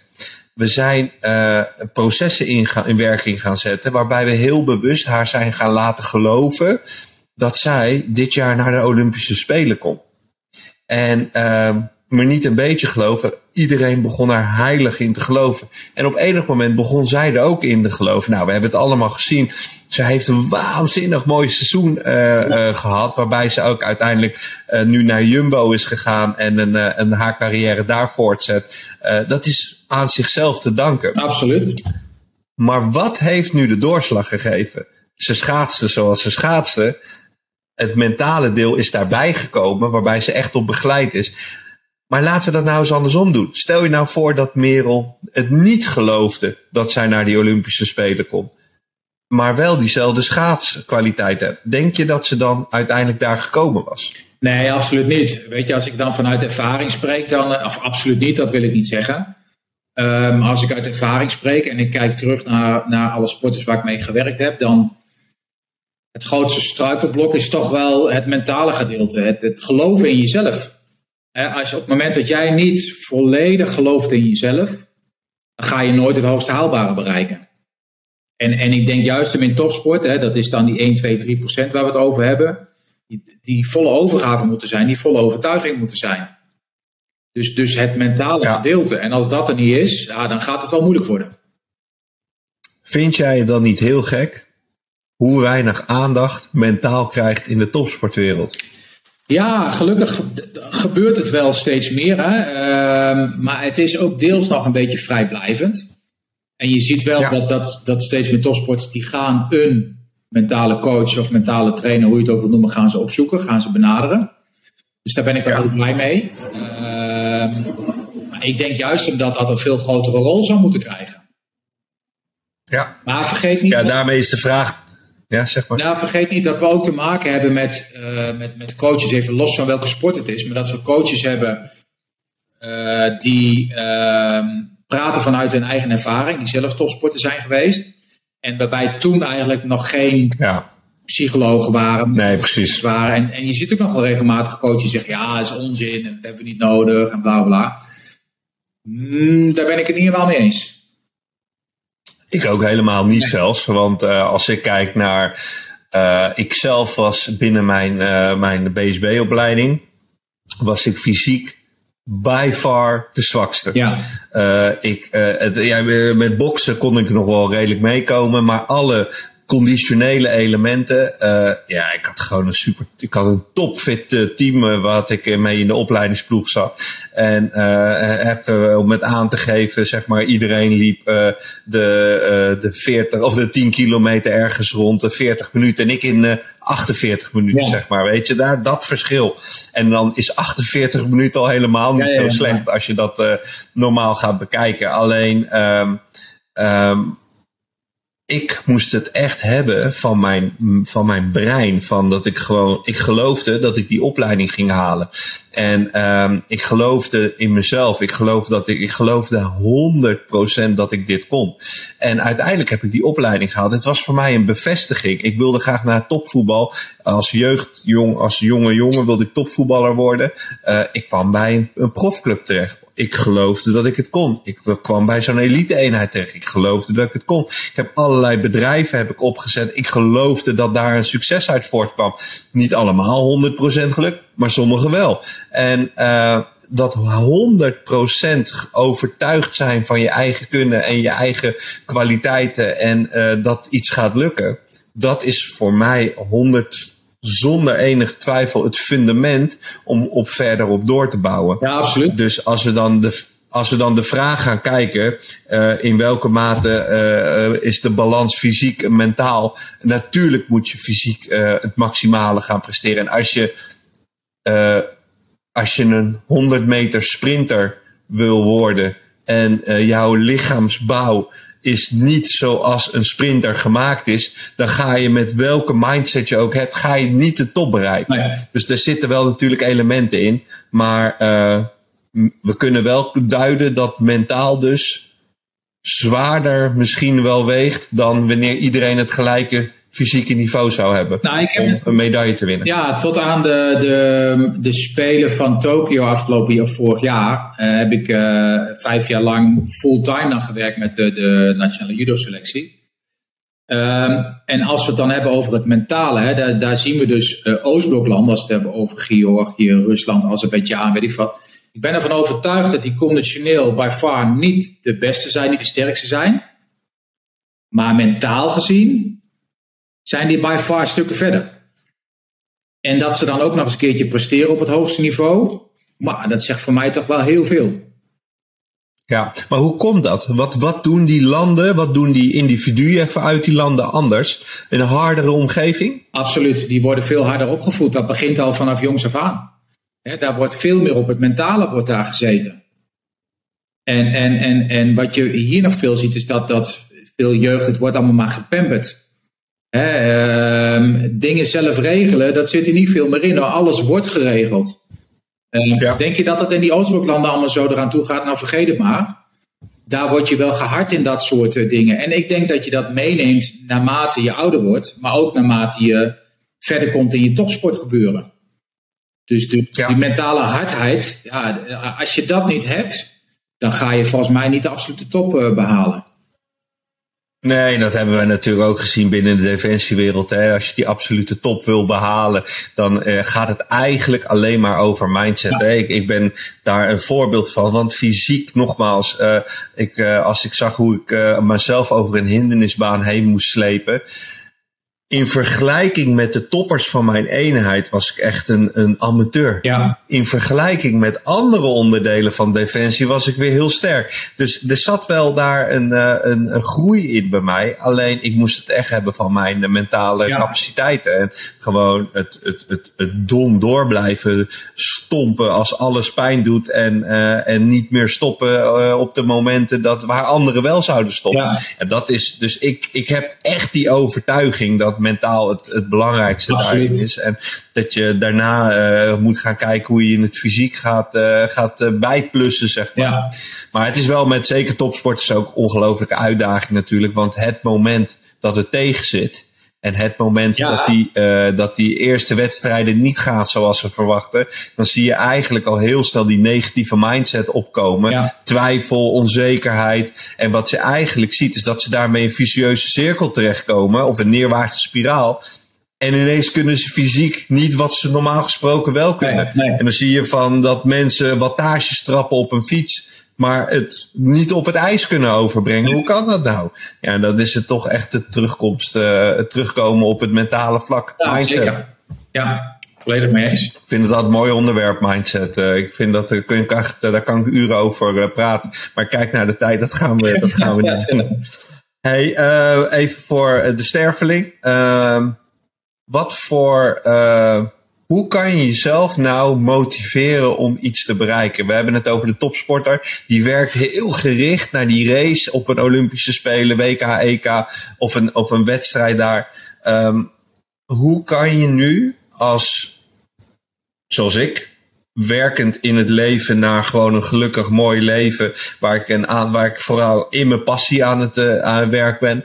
Um, hoe kan je er nou voor zorgen dat je elke dag blij opstaat? Ja, ik weet het. Ik sta elke dag dolgelukkig op. En het klinkt uh, overdreven, maar is niet zo. Ik ben echt elke dag blij, omdat ik mag doen wat ik zo leuk vind. Ja. Uh, maar hoe, doen, hoe, hoe adviseer jij iemand die bij jou komt en eigenlijk met motivatieproblemen kapt? Nou, ik denk dat je als eerste voor jezelf een aantal doelen moet stellen. Hè, dus, dus stel een aantal doelen, dat, dat kan van alles zijn. Um, en ga dan voor jezelf eens kijken van oké, hoe kan ik een, een, weekplanning gaan maken um, wat gericht is op het behalen van mijn doelen. En daar ga je, daar ga je een bepaalde structuur in, in aanbrengen, zeg maar. Dus ik noem maar wat even als voorbeeld. Um, iemand wil 10 kilo afvallen, bij wijze van heel makkelijk voorbeeld. Nou, je zegt uh, oké, uh, over uh, zes maanden wil ik 10 kilo kwijt zijn. Nou, je gaat een soort route maken naar die het is een soort van piekmoment.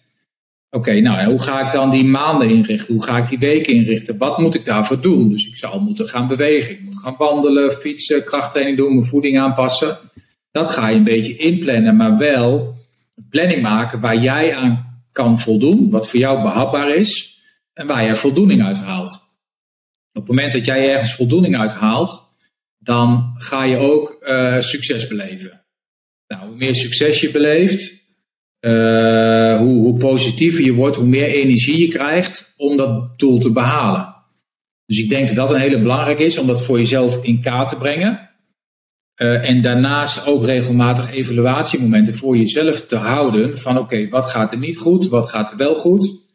Hè, wat moet ik aanpassen? Er kunnen hele simpele dingen zijn. Hoe moet ik dingen aanpassen? Nou, alles heeft volgens mij te maken met structuur. He, dus alle winstmomenten, alle, alle positieve momenten, die moeten constant wel aanwezig zijn, omdat dat hele belangrijke dingen zijn. Ja, dus je bouwt eigenlijk een soort van succesroutines. Zoiets, ja. ja en, en, en je moet elke dag zul je wel bepaalde dingen moeten hebben waar je plezier uit haalt. Dat kunnen hele kleine dingen zijn, hè. Ehm, maar dat geeft je wel voldoening en dat geeft je weer energie. Dus, ja. dus, dus ja. Hey, wat is dan belangrijk volgens jou? Motivatie of discipline? Ik denk motivatie. Als er geen, als er geen motivatie is, dan is er ook geen discipline. Ik zit even te denken of ik hem om kan keren. Uh, maar ik denk eerder motivatie. Ik denk op het moment dat jij gemotiveerd bent uh, om iets te behalen, dan zul je ook de discipline krijgen. Dus datgene ervoor laten en datgene ervoor doen om dat doel te behalen. Ja. Dus, dus motivatie is belangrijker dan discipline. En dan heb ik in, de, in onze praktijk heel vaak mensen die um, eigenlijk de kwaliteit van het leven wat ze leiden matig vinden. Dat komt door het werk wat ze doen. Dat komt door een bepaalde vorm van schaarste wat er in hun leven is. Of het nou op het gebied van belevenissen is, liefde of op het gebied van geld. Uh, en je ziet dat ze veel moeite hebben om daar zelfstandig verandering in te brengen. Ze missen feitelijk die motivatie dus om, om iets te doen. Wat zou, wat zou jij adviseren hoe die mensen weer motivatie in hun leven krijgen? Ja, dat kan. Volledige andere kant op stappen? Ja, dat, daar ben ik echt van. Dat, dat kan soms heel abrupt zijn. Kijk, op het moment dat jij uh, werk doet waarbij je het niet naar je zin hebt, waar je al 15 jaar zit, dan moet je een andere baan gaan zoeken. En dat klinkt misschien heel makkelijk, maar zo is het wel. Als jij niet gelukkig bent in je relatie, we moeten erom lachen, maar we maken het vaak genoeg mee. Als jij niet gelukkig bent in je relatie, dan moet je er wat aan doen. En als je er niks aan doet, oké, dan moet je de relatie beëindigen. En hoe moeilijk dat ook is, maar ook dat eh, hoor je veel om je heen. Hè? Dat mensen ongelukkig zijn in een relatie. Ja, hoe lang wil je dat, hoe lang wil je dat volhouden? Ja. En zo zijn er heel veel. Ja. Ik ben altijd wel van abrupt, of niet abrupt, maar wel overwogen dingen eh, beëindigen en dan een andere keuze maken. Want anders word je niet gelukkig. Veranderingen. Ja. Ja, heel veel mensen zijn natuurlijk bang voor veranderingen, hè, want je weet niet wat het oplevert. De angst die, van die onzekerheid die daaruit voortkomt, die is vaak remmender, verlammender dan uh, het beschermen wat bekend is. En hè, heel vaak zeggen we ook van, als je blijft doen wat je doet, ontvang je exact hetzelfde als wat je nu ontvangt. Ja. En uh, ik denk ook als ik om mij heen kijk en uh, de ondernemers waar ik heel vaak mee zit en spar en mijn mentoren zijn, eigenlijk zeggen die constant wat jij zegt. En die zeggen altijd van, voel je je oké? Ben je comfortabel? Shift. Ga eens wat anders doen. Ga eens iets doen waar je je minder comfortabel bij voelt. Want daar creëer je die groei mee. En hoe je één ding doet, doe je eigenlijk alles. Dus als, eh, ik, ik, heb, eh, ik pak dat uh, altijd als voorbeeld. Ik heb uh, mijn vrouw, die uh, vindt het fantastisch om te dansen. Kijk even naar me, ik niet. Maar mijn vrouw kan ook rustig in een restaurant zeggen. Uh, waar niemand danst. En er komt een nummer op wat ze leuk vindt. Zegt ze, zullen we gaan dansen? Ja. En in de, zeg ik, ben je gek of zo? Dat doe ik niet. En, en op een gegeven moment begon ik te denken. En zij vond dat niet leuk. En toen dacht ik, waarom doe ik dit eigenlijk niet? Ben ik nou zo bezig met de mening van die andere mensen? Terwijl ik daar nooit mee bezig ben. Waarom doe ik dit eigenlijk ja, ja. En wat ik merkte, dat ik toen ik mijn angst onder ogen ging komen en dacht van ja, laten we dat gewoon doen. Ten eerste gaan andere mensen dan ook ineens dansen. Dus dat vond ik dan ook wel weer grappig. Maar wat ik geleerd heb, is dat ik eigenlijk heel vaak bang was voor dingen waar je helemaal niet bang voor hoeft te zijn. En uh, wat is nou het engste dat er kan gebeuren? En toen ik me daarop ben gaan inlezen, kwam ik er eigenlijk achter dat ik stel altijd de vraag: waar ben ik bang voor? Kan ik doodgaan? En dan is het antwoord 90% van de tijd nee. Dan moet je het doen. Ja. En op het moment dat het wel die 1% is dat er een risico is met parachutespringen of weet ik veel wat, dan moet je er misschien wat langer over nadenken. Maar dat betekent nog steeds niet dat je het niet moet doen. Dan moeten de weerstandsmaatregelen om dat te voorkomen beter zijn. Dus uh, dat angst voor dat onbekende, dat is voor mij, dat, dat is het moment geweest dat ik echt gaan, ben gaan groeien als ondernemer. Ik durfde ineens veel meer. Ik ben niet bang voor, voor twijfel, onzekerheid, onzekere tijden. Ik geloof in mezelf en um, dat, heeft, dat, dat is wat wij heel graag willen overdragen. Maar dat zeg jij dus eigenlijk nou, ook. Nou, ik vind het wel een mooie wat je zelf geloven in jezelf. En um, ik denk dat, dat, dat heel veel mensen nog bezig zijn met, um, uh, met, met, met wat andere mensen van hun vinden. Dus, dus heel veel mensen zijn bezig met status, met al dat soort dingen. Ja, nou goed, ik, heb, ik ben nu ook anders in dingen gaan staan, ook sinds die burn-out gerelateerde klachten. Status interesseert mij echt helemaal niks. Ik, ik, ik ga me niet meer bezighouden met wat andere mensen van mij vinden. Uh, what you see is what you get, take it or leave it. Ehm, en, en zo sta ik ook echt in dingen. Als ik uh, op de kop wil gaan staan, ga ik op de kop staan, bewijs van. Wat jij ook zegt, als jij, als jij wil gaan dansen met je, met, met je vrouw, ja, waarom niet? Als jou dat plezier geeft, of geeft jou voldoening, of wat dan ook, ja, dan moet je dat doen.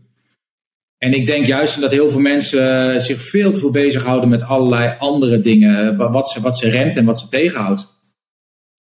Ja, maar als jij dan kijkt naar, hè, laten we even social media benoemen. Social media is het afvoerputje van deze wereld. Als je ziet wat sommige mensen aan commentaar krijgen, ik vind het echt, echt absurd. Ik heb echt zoiets van, als zou je dat ook zeggen als je recht tegenover iemand zou staan? Dan is het vaak het antwoord natuurlijk nee.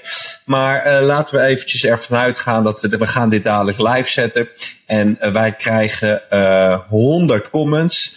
En van die 100 comments staan er 25 hele nare negatieve comments over jou of over mij in. Wat doet dat met jou als mens? Nou, in het verleden deed me dat best wel veel omdat je toch perfectionistisch bent en je wil het altijd maar goed doen. En, en, uh, maar ik denk naarmate je ouder wordt, naarmate je meer ervaring krijgt, kun je ook beter omgaan met kritiek. Wat ik, wat ik geleerd heb, zeg maar, is, is op het moment dat je kritiek krijgt, kijk, kan ik er wat mee? Kan ik er niks mee? Oké, laten gaan, weg ermee. Kan ik er wel wat mee? Oké, dan ga ik kijken, oké, waar kan ik het aanpassen, zodat ik er wat mee kan, zodat ik ook beter van word. Ik vind het juist fijn dat mensen mij kritiek geven, mits het oprecht is en mits ik er wat mee kan. Ja. Als ik er niks mee kan, dan doe ik het weg. Wat we ook kunnen doen, als we nou heel veel comments krijgen, dan zeggen we gewoon een keer van, joh, we organiseren een live evenement. Kom maar lang, we zetten de koffie klaar en we gaan discussiëren. Want, ja. want dat, ja, mooi. dat is het ook vaak. Heel veel mensen leveren kritiek op social media. Op het moment dat je ze gaat. Ik heb het wel eens gedaan. Hè. Ik postte in het verleden wel eens filmpjes van trainingen van sporters. En dan kreeg ik kritiek daaronder. Dan vervolgens reageerde ik en zei: Oké, jongens, jullie zijn bij deze van harte uitgenodigd. Kom langs bij een training. Ik zorg dat de koffie staat. En dan kunnen we inhoudelijk gaan praten over jullie comments. Nou, en wat denk je? Nul reactie. Ja. Dus het is heel makkelijk scoren op social media. En, maar vaak heeft het ook te maken met afgunst en, en, en, en dat soort dingen. Ja, ik merk zelf dat ik niet. Uh, uh, ik, uh, we hebben een strategie hier. dat we dat ook. Ik merk dat ik voor mezelf op mijn privépagina eigenlijk helemaal niet zo die behoefte voel om privé over mij te posten. Ik, ik vind dat helemaal niet relevant om met. ik, ik heb belevenissen, ik heb een supermooi leven, maar ik hoef niet alles te delen. Nee. Daarentegen, aan de andere kant heb ik een organisatie waar ik het gezicht van ben, uh, die ik wel vertegenwoordig op social media. Um, maar ik lees die comments helemaal niet. Nee. Ik, ik, ik, ik, kijk er niet naar. Ik ben vaak best wel vaak op uh, uh, nationale televisie met allerlei commentaar over veiligheidsincidenten, ja. weet ik van wat.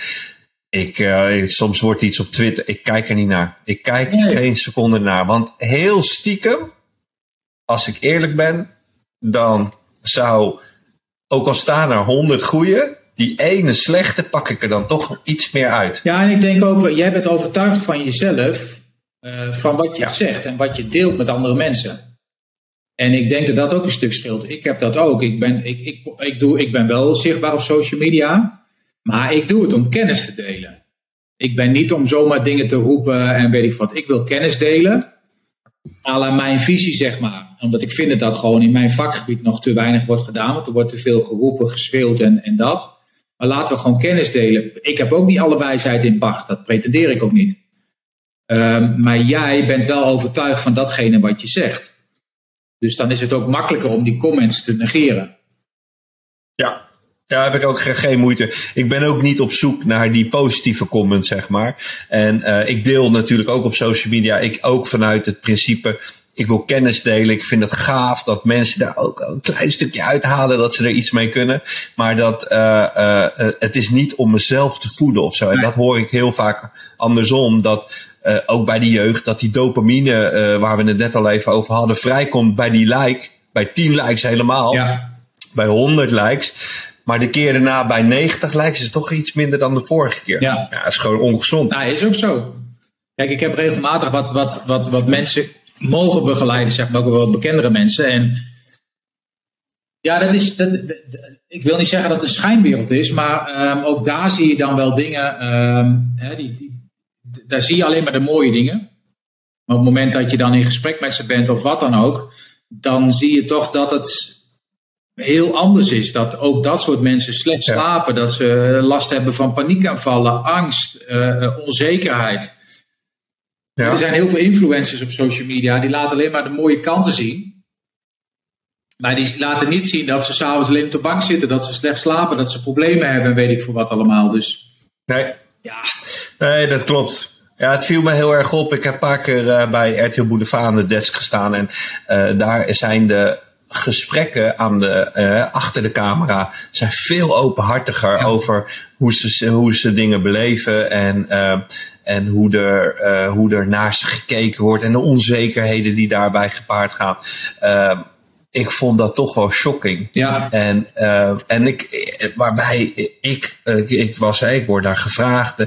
Ik heb niet de drang om een bekende Nederlander te worden. Helemaal niet zelfs. Ik vind het leuk om kennis te delen. En als dat mag op een platform zoals RTL Boulevard, waarbij je een groot bereik hebt, dan doe ik dat graag, want dat vind ik dus leuk. Maar ik denk toch dat de motivatie anders is dan wanneer je het als je werk hebt. En eh, dat je een soort likable moet zijn om succes te hebben in medialand. En eh, dus ik, ben, ik vind het altijd een eh, mooi onderwerp, zeker met bekendere mensen. Dat dit is gewoon een enorme uitdaging Ja. natuurlijk. Wat laat je nou zien van jezelf? nee, is ook zo, volledig mee eens. Ja. Hey, ik zie daar allemaal mooie boeken staan. Welk eh, boek moet ik uit die kast lezen? Nou ja, je mag hem helemaal Ja. een keer lenen. Het fotoboek staat er vanaf mijn geboorte tot aan nu. nee. Ja, er staat eigenlijk van alles en nog wat. Maar ja, er zijn zoveel interessante boeken. Ehm, ja, als ik er dan eentje moet kiezen, neem dan de, de, de encyclopedie van Arnold Schwarzenegger mee. Oh ja? Daar- waarom? natuurlijk. Nee, Waarom? er zijn zoveel mooie boeken. Ja. Nee, maar is dat, me- meen je dat oprecht? Vind je dat echt een mooi boek? Nou, eh, kijk, mijn vakgebied is natuurlijk krachttraining. En eh, kijk, in de tijd van, van, van Arnold van het begin, daar is natuurlijk wel, daar is de krachttraining groot uit geworden. En krachttraining is Ja. een breed begrip geworden, hè, want onder krachttraining valt al jarenlang ook crossfit, valt powerlifting, valt van alles en nog wat. Zelfs calisthenics. Ehm, hè, dat komt voort uit, uit die jaren, zeg maar. Dus, dus ja, misschien dat we dan moeten zeggen van oké, de encyclopedie van Arnold is wel een voorloper van alles wat we nu aan het doen zijn met ijzer. Ja, mooi. En daar wordt in uitgelegd wat die, wat, hoe hij tot zijn eh, Ja. Mr. Universe lijf is ja, zijn gekomen. trainingsrituelen, zijn, zijn, zijn, zijn trainingsschema's, eh, zijn visie, alles eigenlijk. Mooi om te lezen. Ja, mooi. Ja. Ja. De encyclopedie, ik schrijf hem op. Want eh, ik, ga, ik ga gewoon al, ik ga met gasten in gesprek. En ik ga gewoon al die boeken kopen. Dus eh encyclopedie. Arnold, hey, ehm, we gaan zo langzaam een klein beetje naar de afronding van, eh, van ons gesprek. Ehm, wat ben ik vergeten? Wat vind jij ongelooflijk belangrijk om nog te benoemen? Nou, ik denk dat we het meeste eigenlijk wel, wel besproken hebben. We hebben het over heel veel onderwerpen gehad. Ehm, ja, ik denk het belangrijkste toch wel, wat ook bij mij tot inzicht is gekomen, is dat we, dat we meer moeten blijven genieten. En dat we moeten, moeten eh, blijven genieten van, van alle kleine dingen van het leven. Want dat is uiteindelijk waar het om gaat. Je hebt, op heel veel dingen heb je geen grip. Je hebt wel invloed erop, maar je hebt niet altijd grip erop. Ehm, maar waar je wel grip op hebt, is, is volgens mij de kleine dingen waar je energie uit haalt en waar je voldoening uit haalt. Ja, ik, ik, ik, jij zei dit net al en, eh, en dan denk ik altijd aan, ik heb, ik heb een paar momenten in een, in een, in een jaar wat ik, eh, wat, wanneer we bijvoorbeeld, eh, dan, dan nodigen we de mensen waar we het meest van houden, vrienden, familie, die nodigen we uit. En dan gaan we, eh, dan organiseren we een diner. Ja. En dan laat ik altijd een grote tafel neerzetten en dan lekker eten. En dan, en dan zit ik zo aan die tafel en met mijn vrouw naast, met mijn kinderen erbij en... dan zit iedereen te ouwe hoeren. En iedereen is gezellig en, uh, en vindt het leuk. En je ziet dat er een bepaalde positieve vibe uh, op dat moment hangt. Dat zijn mijn geluksmomenten. Ja, dat ik echt, daar kan ik echt kijken. En dan denk ik, en dan kan ik ook echt trots zijn op, op wat we met z'n allen dan hè, daar aan tafel bereikt hebben. Dat we op die manier, in die setting. Het liefste doe ik dan ook nog eens onder de zon op een mooi strand of zo ergens. Maar, um, maar dan zit ik echt, merk ik, dan ben ik alleen maar daar bezig en met niks anders. En uh, natuurlijk zijn er elke dag geluksmomenten en, en leuke momenten om, uh, om aan, aan, te denken. Maar dat is mijn, mijn echt ultieme moment. Wat heb jij? Ja, ik heb er denk ik wel meerdere. Uh, ja, tuurlijk. Ehm, ik, heb nu, ik zit dan nu in het onderwijs, dus, dus, uh, dus ik heb nog steeds vakantie. En, en mijn vriendin die werkt, dus ik ben elke dag met de kleine. En ehm, ja, weet je, op het moment dat ik, dat ik wakker word en zij wordt wakker, en uh, ja, dan, dan, dan staat er mijn enorme glimlach. En uh, ja, weet je, we zijn aan het lachen met elkaar. En we doen allerlei leuke dingen en, en dat vind ik echt fantastisch. Um, ja, eigenlijk een beetje hetzelfde als jij. Genieten van vrienden, um, um, leuke dingen doen. In ieder geval dingen doen waar je energie uit haalt. En dat kunnen heel veel dingen zijn. Hou je uit zo'n gesprek energie? Ja, hier haal ik heel veel. Als dit? Ja, absoluut. absoluut. Ja, ja, zeker. Ja. En, en ook weer omdat we het hebben over kennisdeling. Hè, dat geeft mij ook energie. Uh, maar uit dit gesprek, ja, daar, daar, wat, als we blijven zitten, dan, dan zitten we vanmiddag volgens mij nog. ja, dat denk ik ook.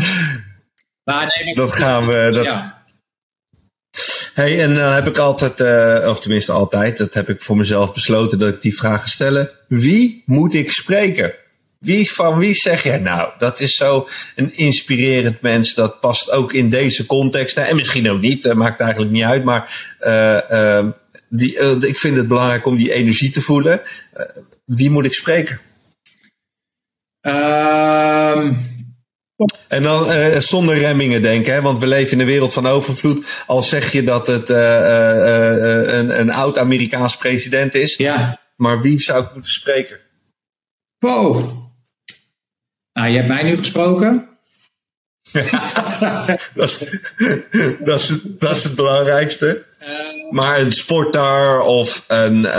een als jij naar iemand kijkt, waar hou jij je inspiratie uit?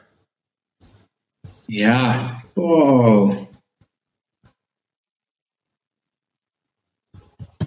Ja, vind ik een hele lastige. Daar moet ik echt over na. Daar wil ik wel graag op terugkomen.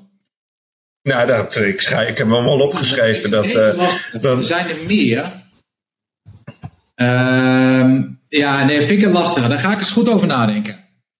Ja, dat moet je doen, want dat vind ik, een, dat vind ik namelijk een leuke. Uh, want uh, ik merk dat wij, ik voel de energie. Ik vind het echt mega fijn om dit gesprek met je gevoerd te hebben. Uh, en de mensen die jou positief laden, daarvan weet ik zeker dat die ook mij positief kunnen laden. En ik ben gewoon geïnteresseerd naar de mens achter de professional. En ik vond het een mooi gesprek en, en ook dankbaar voor je kwetsbaarheid. Want wat je net zei, dat je nog niet eerder verteld had uh, wat je gedaan had en wat je, hoe je met je burn-out klachten bent omgegaan. Uh, ik denk dat we in een wereld leven waar de schone schijn tegenwoordig belangrijker is. Dat kwetsbaarheid als iets zwaks wordt gezien. Ik geloof daar niet in. ik, ik zit in een fase waar ik ook ervaar dat ik hoog in de emotie zit. en jij zit in een, in, een, in een interne omgeving waar je met jezelf aan de slag bent gegaan. Ik zat zondag bij Top Gun ook met mijn emotie in mijn strot naar een film te kijken wat ik nog nooit had ervaren. Dus ik denk dat kwetsbaarheid iets is wat uh, uh, high performance is. En dat dat gaat leiden tot nog mooiere ja. resultaten in het leven. En ook een stukje kwaliteitsverbetering. Dus het laatste woord is aan jou. En als jij uh, dat gehad hebt, dan, uh, dan uh, zeg ik tegen de kijkers en tegen de luisteraars alvast bedankt. En we gaan goed nadenken over wie de volgende is. Maar misschien dat Jordan dan nog met een inspiratie kan komen. En dan gaan we daar heel driftig mee aan de slag om die persoon ook voor ja. de camera te krijgen. Dus Jordan, dankjewel voor vandaag. En de laatste nou, woord is aan jou. Ja, ik wil jou graag bedanken voor, voor het leuke en inspirerende gesprek. En, en nogmaals, uh, uh, ik vind het fijn om kennis te mogen delen en om, om, om te mogen praten vanuit ervaring. ja, en ik hoop gewoon dat, dat mensen daar iets aan hebben. Dat ze, dat ze iets ervan op kunnen steken wat, wat voor hun toepasbaar is. Of wat ze mee kunnen nemen naar hun werk of, of dagelijkse bezigheden. Dus, dus, dus bij deze hartelijk dank. Nou, nogmaals jij bedankt en uh, tot de volgende keer.